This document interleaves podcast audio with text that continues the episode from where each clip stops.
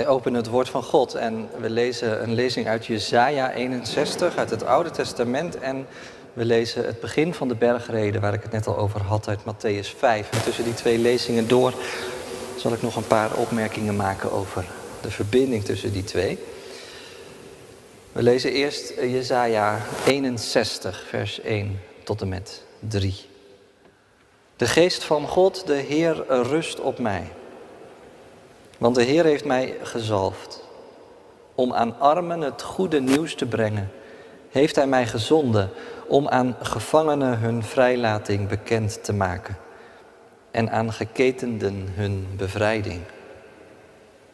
Om een genadejaar van de Heer uit te roepen, om een dag van wraak voor onze God, om alle die treuren te troosten om aan Sions treurenden te schenken een kroon op hun hoofd in plaats van stof, vreugdeolie in plaats van een rouwgewaad, feestkledij in plaats van verslagenheid. Men noemt hen terebinten van gerechtigheid, geplant door de Heer als teken van zijn luister. Tot zover Jezaja. En in het gedeelte dat we nu gaan lezen, hoor je eigenlijk wel wat echo's uit dit stuk. In de zaligsprekingen die Jezus uitspreekt op de berg. Ik wil de komende tijd een aantal van die gelukwensen behandelen in de diensten. Vanochtend deze gelukswens. Gelukkig zijn de treurenden, want zij zullen vertroost worden. En ik zei al, Jezus spreekt die woorden uit vanaf de berg. En Mozes krijgt Gods gebod op de Sinaï. Jezus spreekt de woorden van God vanaf deze berg. Je zou kunnen zeggen, het zijn inderdaad richtlijnen voor het leven, wat je leeft in navolging van Hem. Daarom is het wel belangrijk om die zaligsprekingen ook als een geheel te zien. Ze vormen met elkaar één gids ten leven. Iemand noemde het de ware identiteitskaart van een burger van het nieuwe godsrijk. Ze zijn onlosmakelijk met elkaar verbonden, zoals ook bijvoorbeeld de gaven van de geest, waar Paulus het over heeft, de vrucht van de geest in enkelvoud, onlosmakelijk met elkaar verbonden is.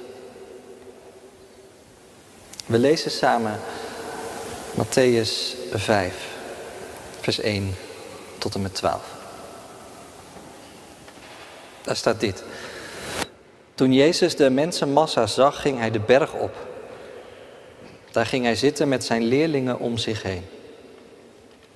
Hij nam het woord en onderrichtte hen. Gelukkig wie nederig van hart zijn, want voor hen is het koninkrijk van de hemel. Gelukkig de treurenden, want zij zullen vertroost worden. Gelukkig de zachtmoedigen, want zij zullen het land bezitten. Gelukkig wie hongeren en dorsten naar gerechtigheid, want zij zullen verzadigd worden. Gelukkig de barmhartigen, want zij zullen barmhartigheid ondervinden. Gelukkig wie zuiver van hart zijn, want zij zullen God zien. Gelukkig de vredestichters, want zij zullen kinderen van God genoemd worden. Gelukkig wie vanwege de gerechtigheid worden vervolgd, want voor hen is het koninkrijk van de hemel. Gelukkig zijn jullie wanneer ze je omwille van mij uitschelden, vervolgen en van allerlei kwaad betichten. Verheug je en juich, want je zult rijkelijk worden beloond in de hemel. Zo immers vervolgden ze voor jullie de profeten. Tot zover het woord van God. Vanochtend gaat het dus over vers 4. Gelukkig de treurenden, want zij zullen getroost worden. Gemeente van Christus, broeders, zusters, jongens, meisjes, hier in de kerk en thuis. Geluk en verdriet liggen soms heel dicht bij elkaar. Ik denk dat de meeste kinderen dat ook wel weten. Het ene moment ben je heel verdrietig, omdat je gevallen bent of zo. Maar als papa of mama je dan vertelt dat je zo meteen iets leuks gaat doen of iets lekkers krijgt, dan, dan kun je zomaar weer heel erg blij zijn. Dan is het verdriet zomaar als sneeuw voor de zon verdwenen. Of kijk naar wat er allemaal in sport kan gebeuren. Het ene moment is er alle reden om te juichen omdat je gekwalificeerd bent voor de volgende ronde of voor een belangrijk toernooi en het volgende moment zit je thuis met een blessure op de bank.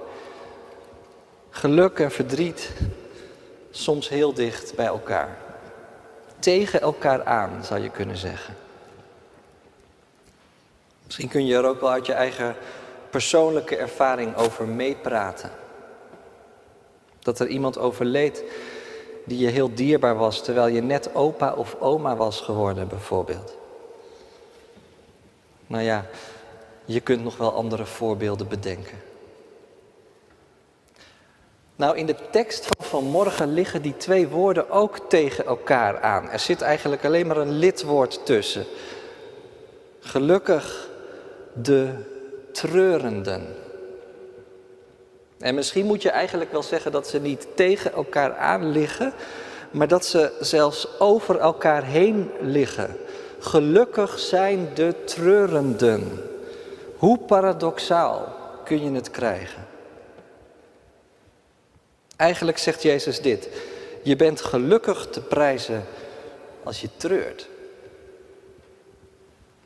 Nou, ik kan me voorstellen dat je zegt, wat bedoelt hij daar nou mee? Praat hij nou zomaar alle verdriet en alle pijn in de wereld goed? Wil hij nu zeggen dat alle ellende die ons kan overkomen er nu eenmaal bij hoort? Dat armoede en geweld, onrecht en rouw een soort van gave van God zijn? Misschien wel met het doel om ons dichter bij Hem te brengen?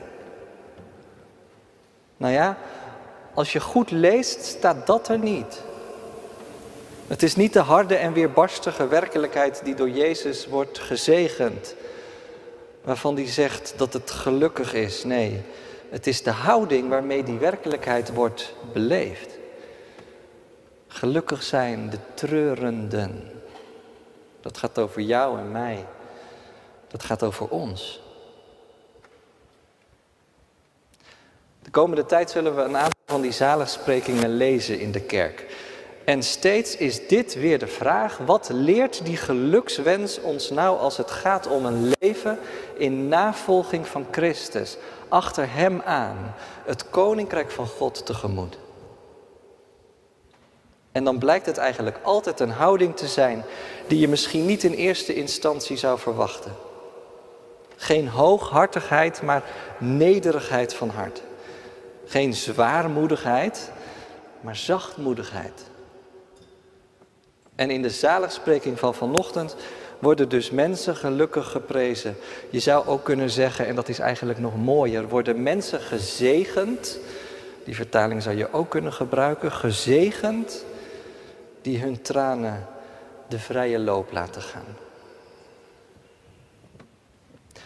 Nu zei ik al, die zaligspreking heeft natuurlijk iets paradoxaals. Iets heel opvallends en misschien wel in het bijzonder als je hem vandaag de dag in onze eigen tijd leest. Want ik weet niet hoe het jou vergaat, maar ik zie om me heen toch ook best wel veel schroom om, om voor de dag te komen met je verdriet. We weten allemaal, er is veel verdriet in de wereld. En onverdeeld gelukkig zijn is aan niemand van ons gegeven.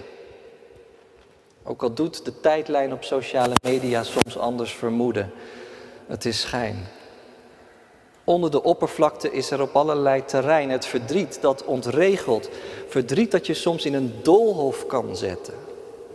En dat je dan maar vooral met man en macht probeert een plekje te geven. Liefst zonder al te veel anderen erbij te betrekken. Misschien herken je het wel. Als er een keer een traan komt in het bijzijn van anderen, dat je dan zelf een beetje schrikt en je verontschuldigt. Sorry hoor dat ik me even liet gaan, maar het zit me gewoon heel diep. Of het zit me gewoon heel hoog. Je pakt een tissue uit je zak. En je hoopt dat het gesprek snel weer op een ander onderwerp terechtkomt. Nou ja, In de zaligsprekingen, in dat hele palet van mensen die gelukkig worden genoemd, hoort het verdriet er helemaal bij. Het is de realiteit. En waarom zou je die realiteit verdoezelen? Nemen met drie voorbeelden om te verkennen waarom dat inderdaad niet zo'n goed idee is. Wat is verdriet eigenlijk? Nou, in de eerste plaats denk ik dat tranen laten zien dat je iets te verliezen hebt. Kijk, volgens mij is ons verdriet vaak het tegenover van de liefde, de keerzijde ervan.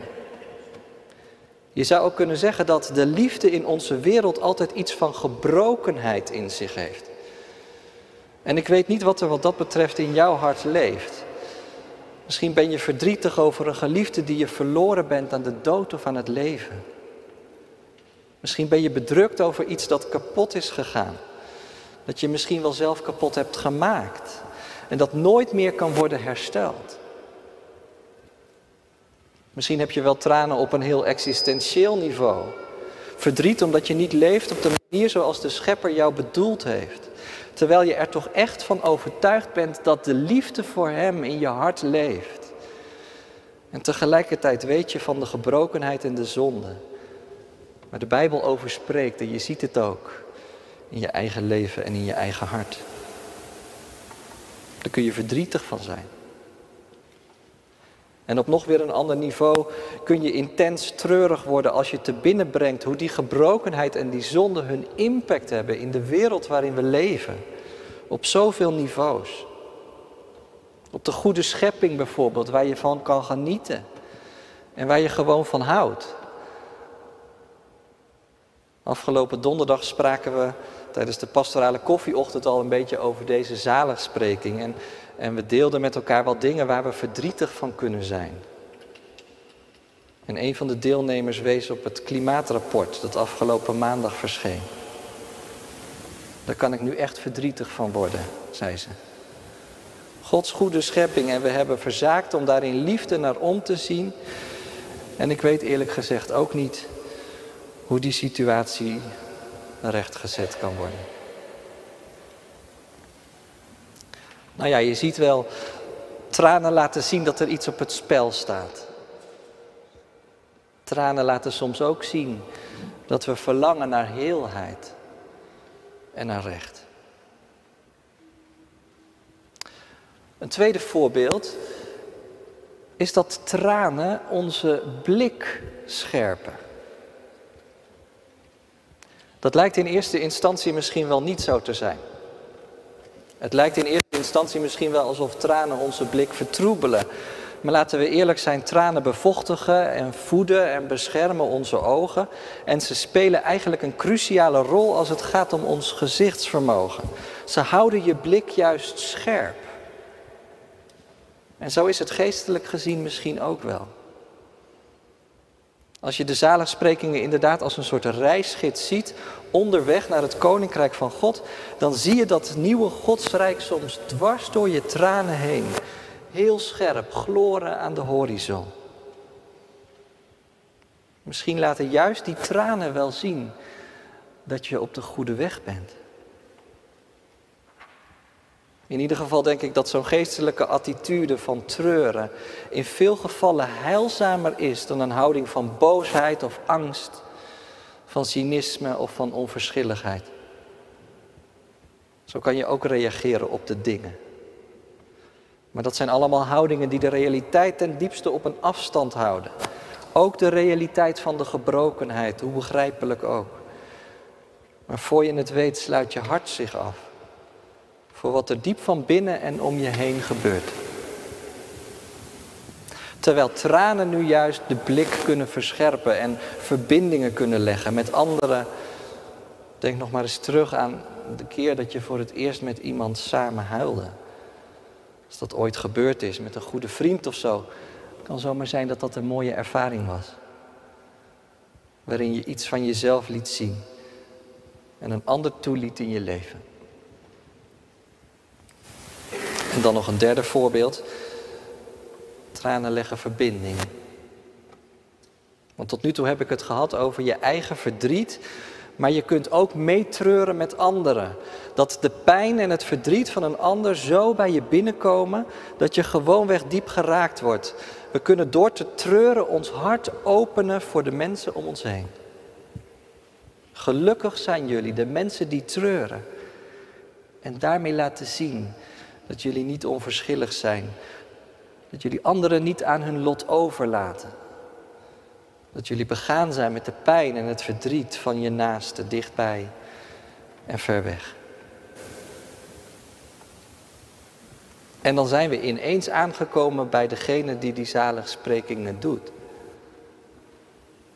Want dat vermogen om anderen te zien in hun verdriet, dat zie je nu bij uitstek bij Jezus van Nazareth. Je bent hier nog aan het begin van het Matthäus-evangelie. Er gaat nog van alles en nog wat gebeuren. Hij gaat hier de, de berg op. En als je naar hem kijkt, dan zie je niet alleen een meerdere Mozes in hem, maar dan zie je de Messias, de gezalfde van God. Hij is de zoon van God, ja, hij is God. Dan zie je iemand die ook niet zonder tranen door de wereld is gegaan. Dat zou je misschien wel verwachten. Dat beeld van een God die op afstand blijft, de onbewogen beweger.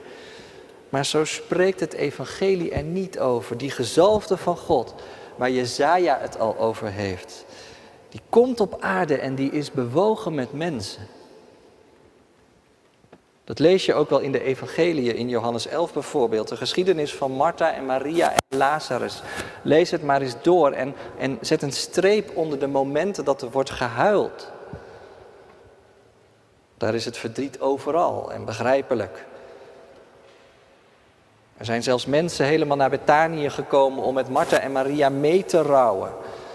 Want er is verdriet over het sterven van Lazarus en er is misschien ook wel verontwaardiging over het feit dat uitgerekend Jezus in eerste instantie niets deed, maar nu is hij er wel. En nu zal die Lazarus straks uit de dood opwekken, maar, maar eerst doet hij nog wat anders. Dat lees je in Johannes 11, vers 35. Jezus weet. Eigenlijk wel een hele belangrijke tekst. Zo dicht komt God bij ons in zijn zoon. Onze tranen zijn hem niet vreemd. Gelukkig niet.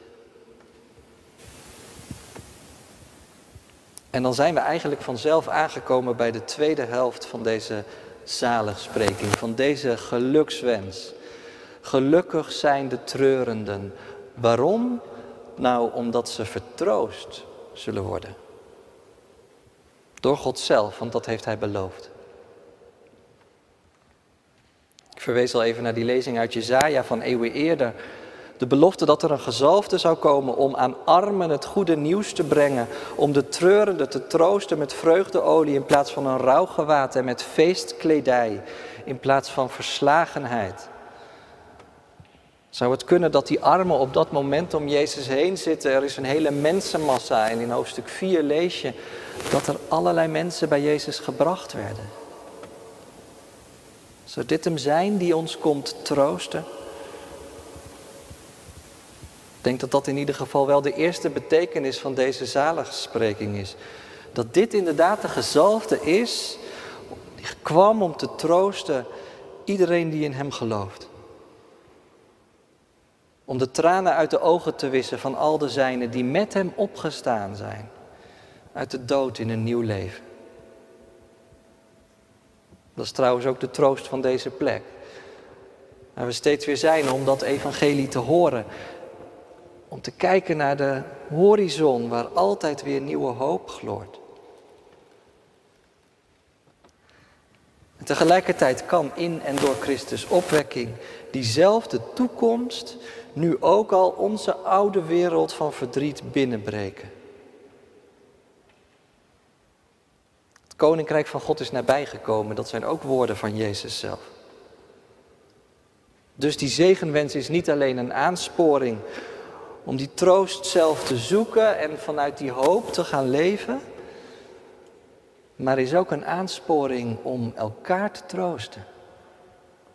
Door elkaar te wijzen op wat komen kan en zal.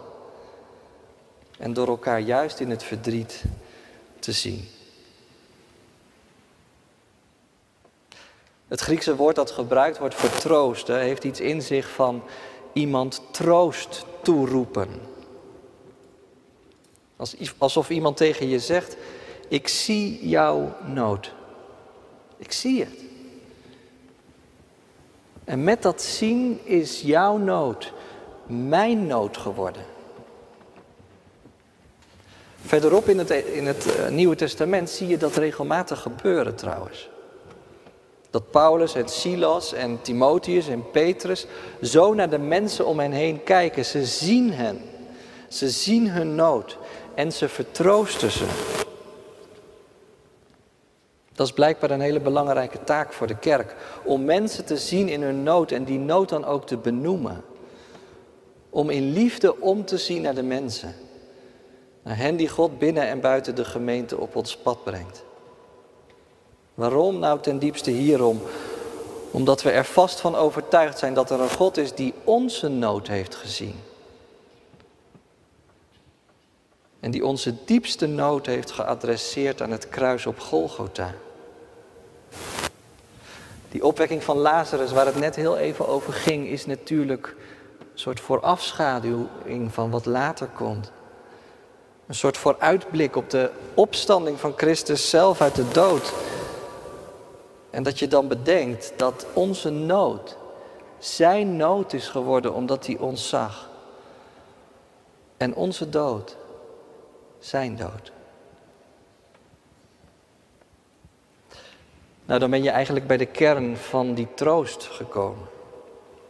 Waar het in deze zalenspreking volgens mij over gaat. En als je die troost te binnen brengt, dan kun je daar soms heel gelukkig bij worden. Heeft dat de kerk niet overeind gehouden de eeuwen door? Vraag ik me af. Dat die troost steeds weer opnieuw is beleefd door mensen, dat ze er zicht op hebben gekregen, dat ze het ervaren hebben, maar dat ze die troost ook aan anderen hebben doorgegeven, om die zo levend te houden. Ik vond een tekst in de brief van Paulus aan de Corinthiërs, 2 Corinthiërs 1, vers 3 tot en met 5. En eigenlijk geeft hij er heel kernachtig woorden aan. Het zit er allemaal in, de vreugde en de troost ontvangen en de troost doorgeven. Paulus zegt dit, geprezen zij de God en Vader van onze Heer Jezus Christus, die zich over ons ontfermt, ons altijd troost en ons in al onze ellende moed geeft zodat wij door de troost die wij zelf van God ontvangen, anderen in al hun ellende moed kunnen geven. En in het lied dat we zo meteen samen willen zingen, wordt dat prachtig samengevat. Ik zou zeggen, laten we het zingen als een gebed. Voor onszelf en voor, voor elkaar. God schenk ons de kracht om dicht bij u te blijven dan zal ons geen macht uit elkander drijven. Zijn wij in u één, samen op uw wegen, dan wordt ons tot zegen lachen en geween. En wat gij schenkt wordt meer, naar gelang wij delen. Horen, helpen, helen. Vruchtbaar in de Heer. Amen.